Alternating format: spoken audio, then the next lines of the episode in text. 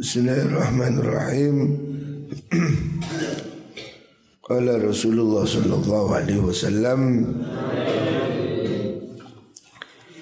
La'anallahu ar-rasi wal murdasi La'ana ngelaknati. Sinten Allahu Gusti Allah. Sinten sing dilaknat ar-rasya ing wong kang nyokok orang yang menyuap. Wal murtasi lan wong kang amrih suap. Jadi tidak boleh ya suap menyuap. Suap artinya memberi sesuatu ya, untuk mempengaruhi keputusan membenarkan yang salah atau menyalahkan yang benar. Alhamdulillah. Suap dilarang dan semuanya berdosa. Yang menyuap dilaknat Allah, yang menerima juga sama.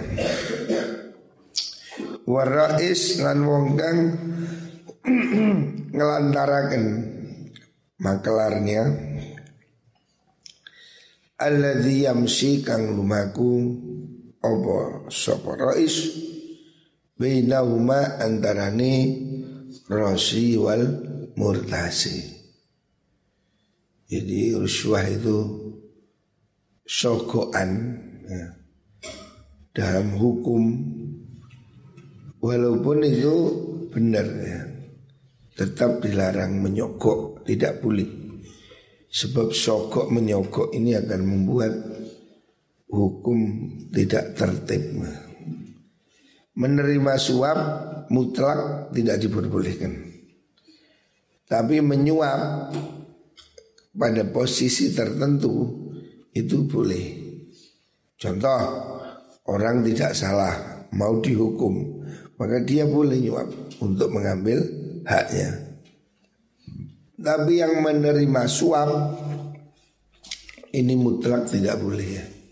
Menerima suap apa pun alasannya tidak diperbolehkan. Tetapi kalau menyuap pada posisi terpaksa boleh untuk mengambil hak. Ya. Pokoknya tanahmu dirampas, kamu tidak salah. Tapi kalau kamu nyuap tidak dirampas, kamu boleh menyuap ya untuk membela hak. Tetapi menerima suap ini tidak boleh, alasan apa pun ya. Makanya hakim tidak boleh menerima pemberian dari orang yang di bawah kekuasaan hukumnya. Sebab itu dicurigai bisa membuat hukum tidak adil. Jadi suap menyuap ini dilarang dan dilaknat oleh Allah Subhanahu wa taala. Rawi Ahmad. La'anallahu ngelaknati sinten Allah Gusti Allah.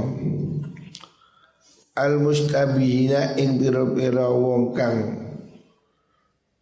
al mutasyabbih al mutasabbihat wadon kang nyerupani minan nisa'i sange biro-biro wong wadon birijali kelawan wong lanang orang cewek menyerupai laki-laki itu tidak boleh ya.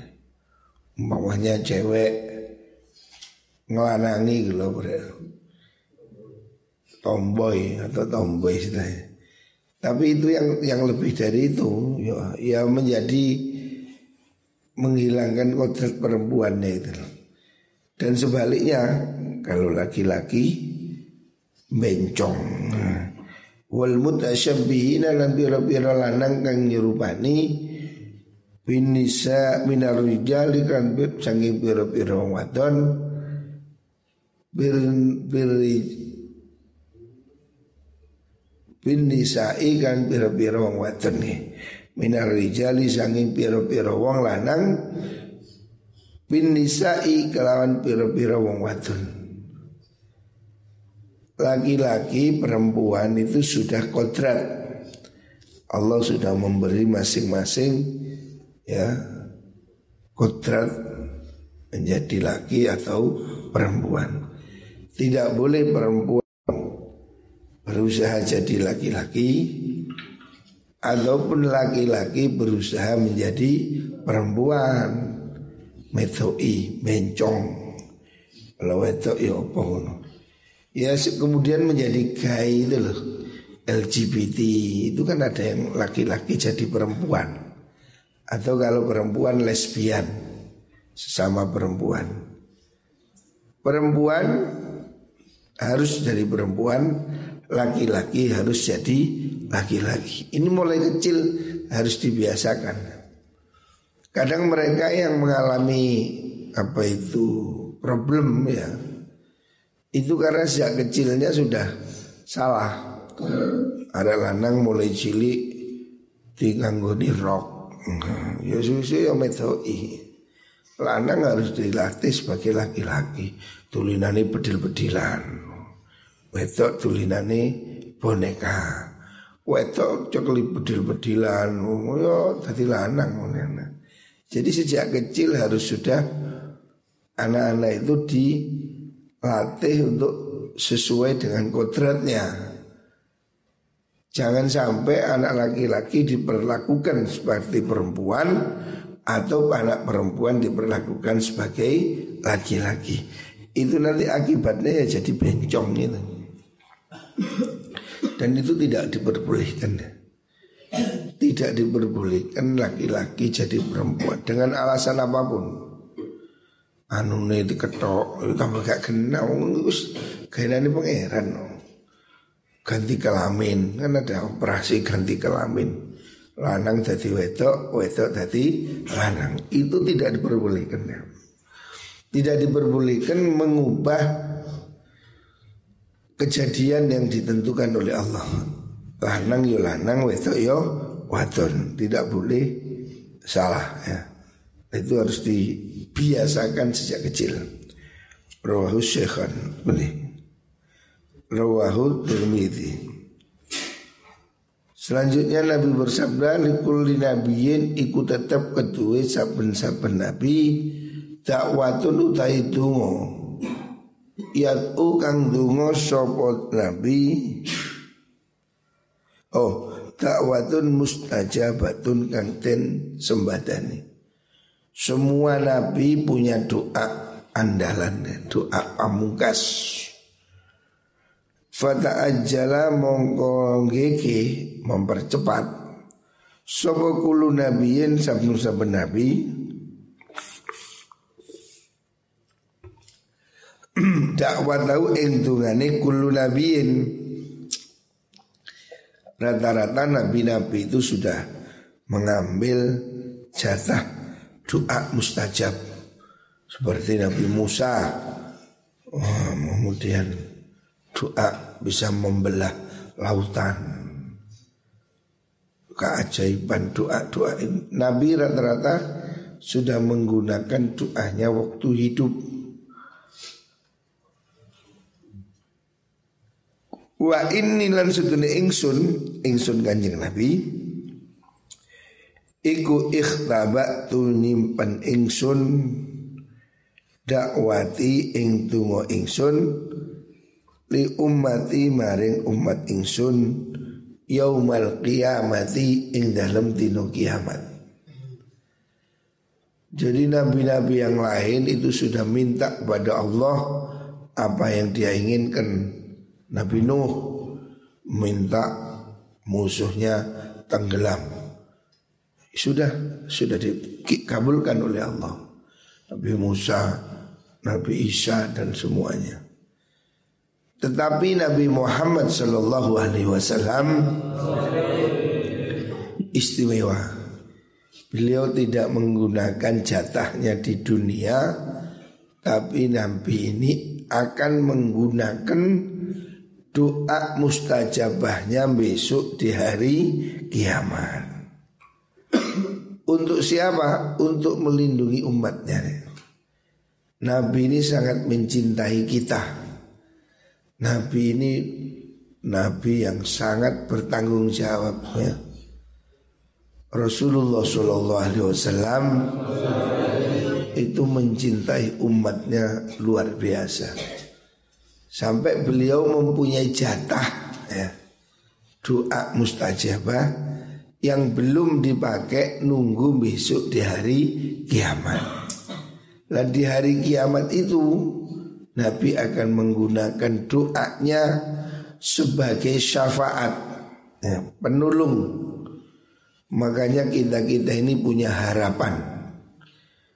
Sing manut kanjeng Nabi punya harapan besok ditulungi kanjeng Nabi. Kamu korek kita semua masih mendapat syafaat Rasulullah Sallallahu Alaihi Wasallam. Ojo sampai besok gak direken Orang-orang yang tidak peduli sunnah Orang-orang yang tidak mau baca sholawat Besok ya gak direken kanjeng Nabi. Makanya supaya kita ini direken Perbacalah baca sholawat pada kanjeng Nabi. Apalagi hari Jumat. Hari ini Jumat ya? Sholawat ditambahi Sallallahu ala Muhammad Sallallahu Atau sholat munjiat Sholat nariyah Sholawat dan lain-lain Perbanyak baca sholawat Supaya hidupmu ini semakin baik ya. Siapa orang rajin baca sholawat Besok dia lebih dekat pada Rasulullah Wasallam. Nah itu harapannya lebih kuat. Akhirat nanti Nabi akan nulungi umatnya.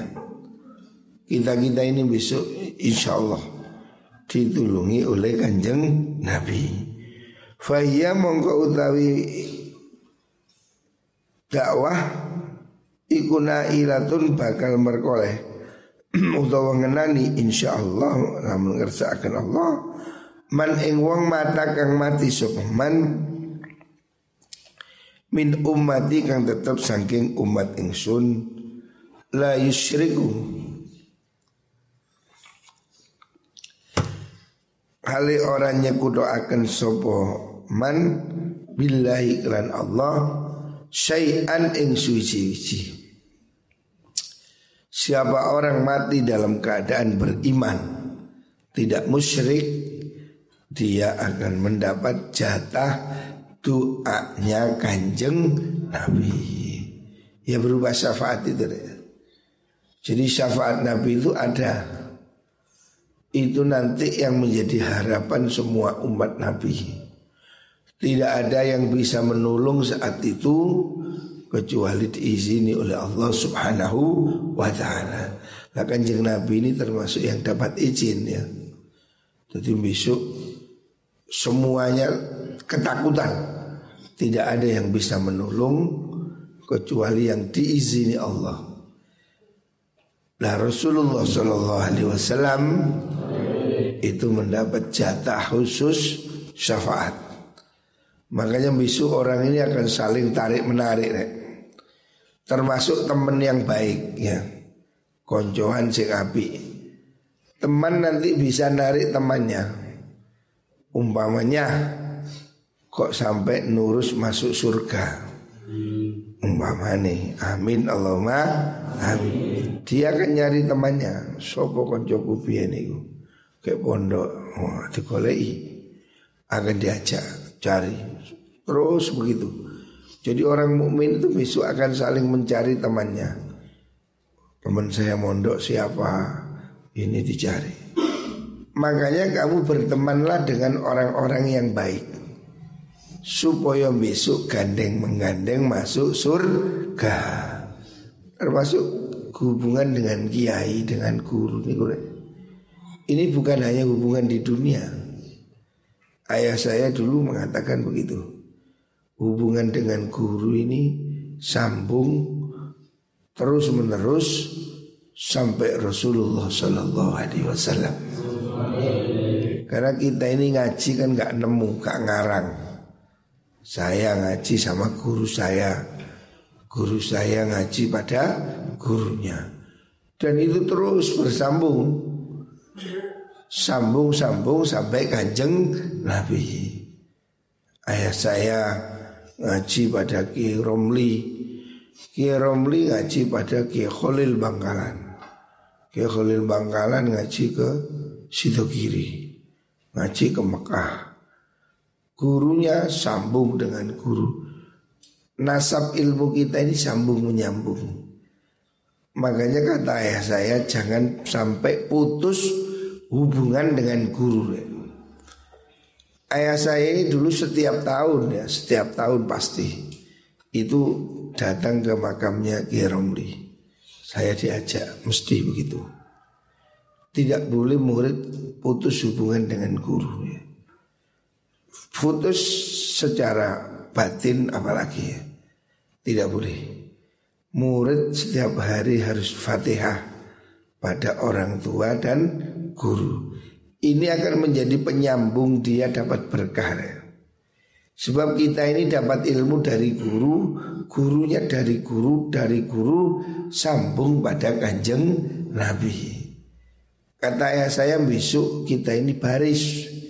Saya akan baris di belakang guru saya. Guru saya baris di belakang gurunya. Gurunya di belakang gurunya sambung sampai barisan kanjeng Nabi. Dan di situlah orang akan masuk surga Karena apa? Rombongan ya. Semuanya itu nanti masuk surga itu rombongan Masuk neraka ya rombongan nah.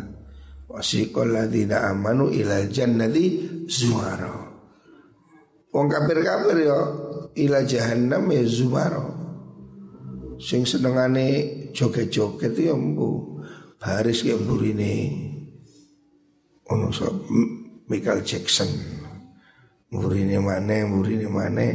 Oh, jadi semuanya akan baris sesuai dengan siapa dia mengikuti. Kalau kita mengikuti ulama, insya Allah barisan kita ini sambung pada kanjeng Nabi. Tapi orang-orang yang tidak benar ya, mungkin barisnya sambung Fir'aun.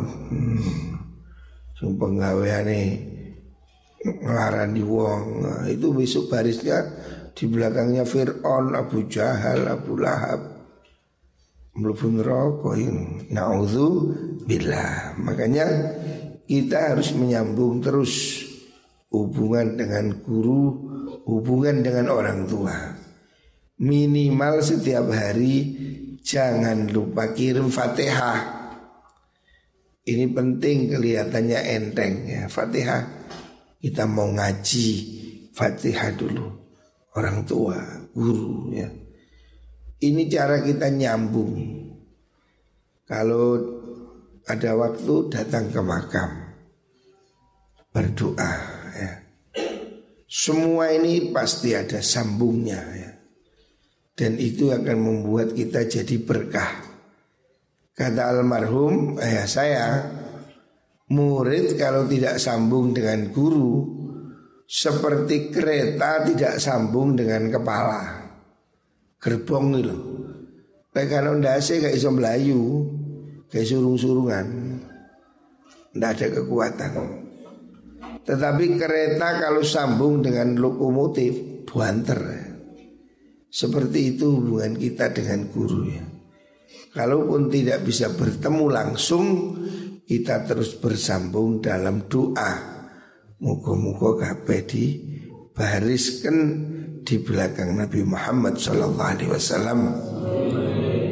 Sambungan ini jangan putus. Jadi santri tidak boleh hilang hubungan ya. Walaupun sudah pulang, walaupun sudah alumni, harus terus disambung. Minimal sambung dalam Fatihah. Mau ngaji kirim Fatihah. Mau tahlil kirim Fatihah ya. Ini sambung menyambung inilah yang membuat kita insya Allah kumpul sampai kanjeng Nabi ya. Rawahu Syekhan Selanjutnya Rasulullah Sallallahu Alaihi Wasallam bersabda likulli syai'in tariqun wa tariqul jannati al ilmu likulli syai'in iku kedue saben-saben suci tariqun utawi jalan. Segala sesuatu ini ada jalannya. Kamu mau pergi ke mana itu ada jalannya. Kalau kamu tidak tahu jalan ya gak teko. Kau tidak gadang kok ngidul nang lagi hmm. Kalau kamu mau ke pantai ngidul ngalor yo pasar besar. Semua ini ada jalannya. La watori kul jannati utawi dalane mlebu swarga iku al ilmu ilmu ya. Maksudnya ilmu syar'i ya. Ilmu syariat ini akan mengantar kita masuk ke dalam surga. Mengani ngaji sing sergap Jok turu iku kugani ku Ngaji iku ngantuk ya Dalam ke surga ini ilmu Makanya abot ya. Wong dijak ngaji ku abot. Coba gini gini Setel TV Oh udah gak kabel langsung Apa film Filmnya sing rodok Kreng. Kau ono arek turun jo ngomong ngene kabeh. Tapi lek ngaji kayak bedek tiluan. Oh, ngaji ndase 10 kilo. Masalahnya ngaji dalam swarga. Surga selalu dipenuhi kesulitan. Kata Rasulullah sallallahu alaihi wasallam, Ufatil jannatu bil magari Jalan ke surga ini memang hal-hal yang tidak menyenangkan. Yang contohnya ngaji ngantuk. Eh, nih, loh. Sampai dasi dijagrak nih Gitu. Ngaji ngantuk.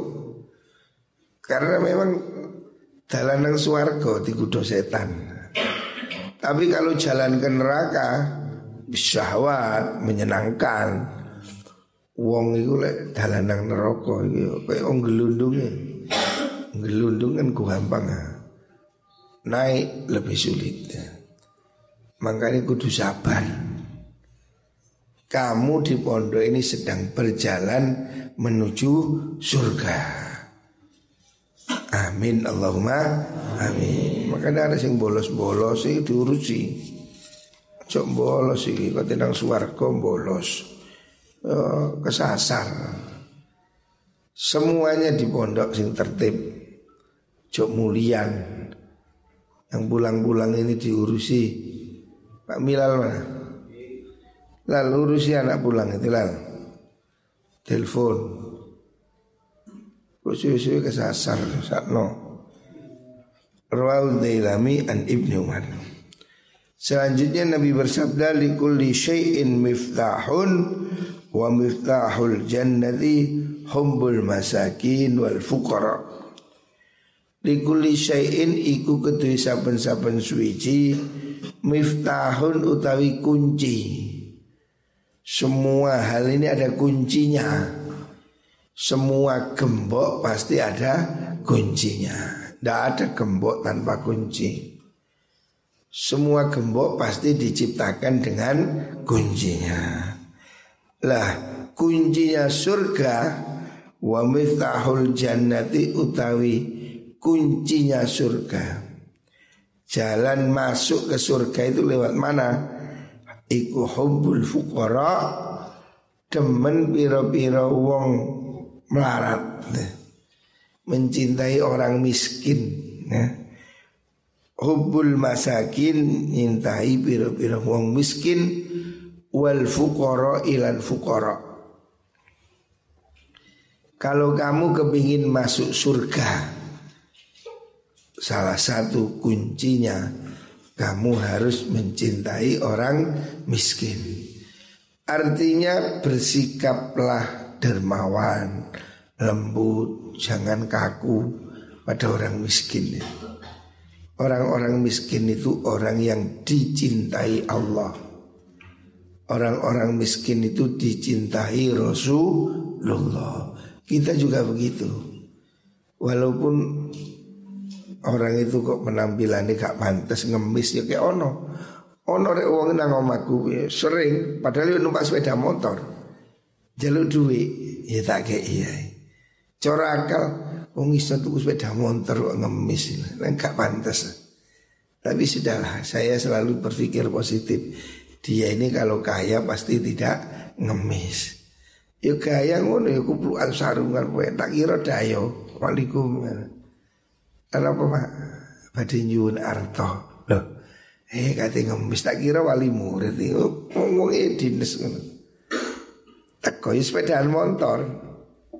Tapi jaluk duit ya wis Dan sering koyo benulan teko ngambil pajak ya. Wis tak iya. Padahal ya kadang kita rasa wong piye ta. Wong kelihatannya itu bukan orang miskin. Artinya Ya bisa numpak sepeda motor kan berarti ya wong duwe lah. Mau tak takoni nyambut gawe napa sampean Pak nyupir.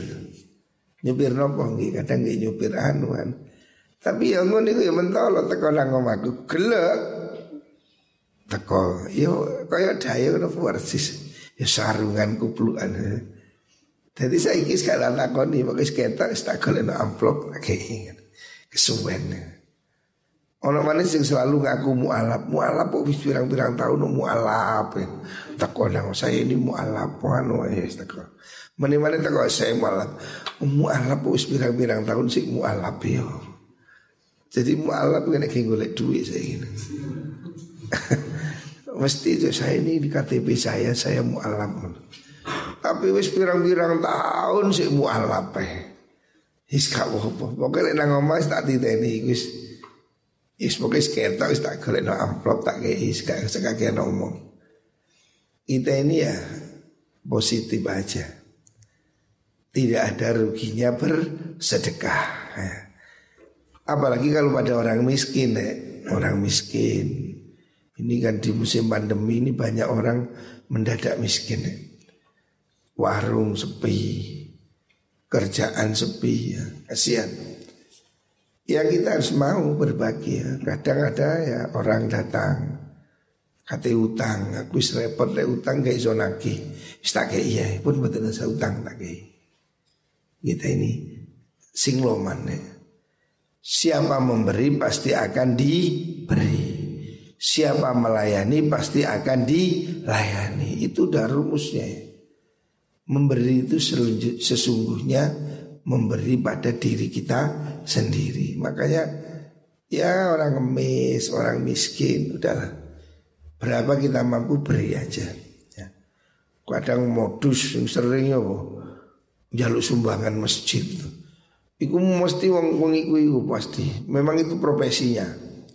Jadi di Madura ini ada satu desa Sing profesi ini golek sumbangan. Ini profesi nanti dia wis Dan dia itu digaji bagi hasil atau gimana gitu. Iya mesti benono wong is ketok duro nggawa map. Is kata repot-repot wis mung tak kei ngono Ya mesti ku pembangunan masjid Mbu masjid kayak Oh gak dadi-dadi Dan mesti kok desa tertentu Madura Saya tanya itu gimana? Oh iya Gus itu memang profesinya kalau nggak ngemis ya itu. Rumahnya sudah bagus, sudah punya sapi. Tapi ngemis itu menjadi profesi. Ini senengan nih. Lek ngono ya iku manggo proposal. Jadi ternyata di Indonesia ini ada pabrik proposal. Untuk perusahaan proposal. Jadi ada orang bangun masjid.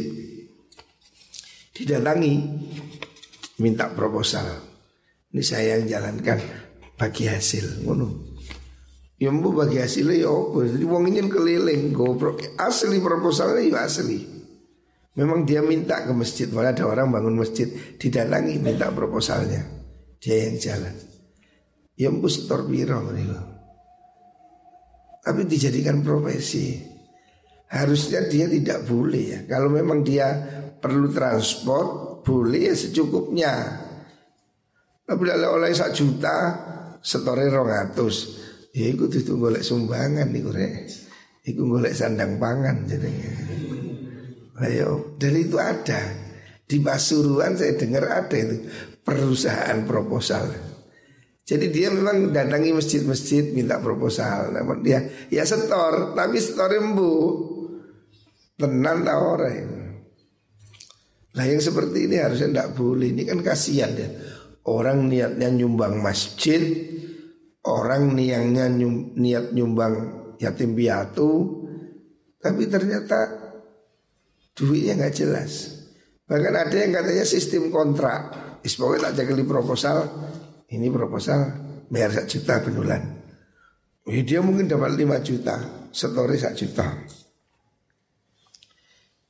Lah yang punya proposal itu rumong soni ya daripada kawan ya no bondo kertas metu satu juta. Ya gelemai tapi orang ini digunakan ke mana-mana ya. Jadi sekarang sudah ada pekerjaan baru perusahaan proposal. Makanya kita tidak mau seperti itu. Takut disalahgunakan. Kita aja nggak pernah minta-minta Kadang ada yang ngaku-ngaku ya, Ngaku-ngaku minta. Padahal kita tidak pernah minta-minta seperti itu. Muka-muka kita diselamatkan Allah subhanahu wa ta'ala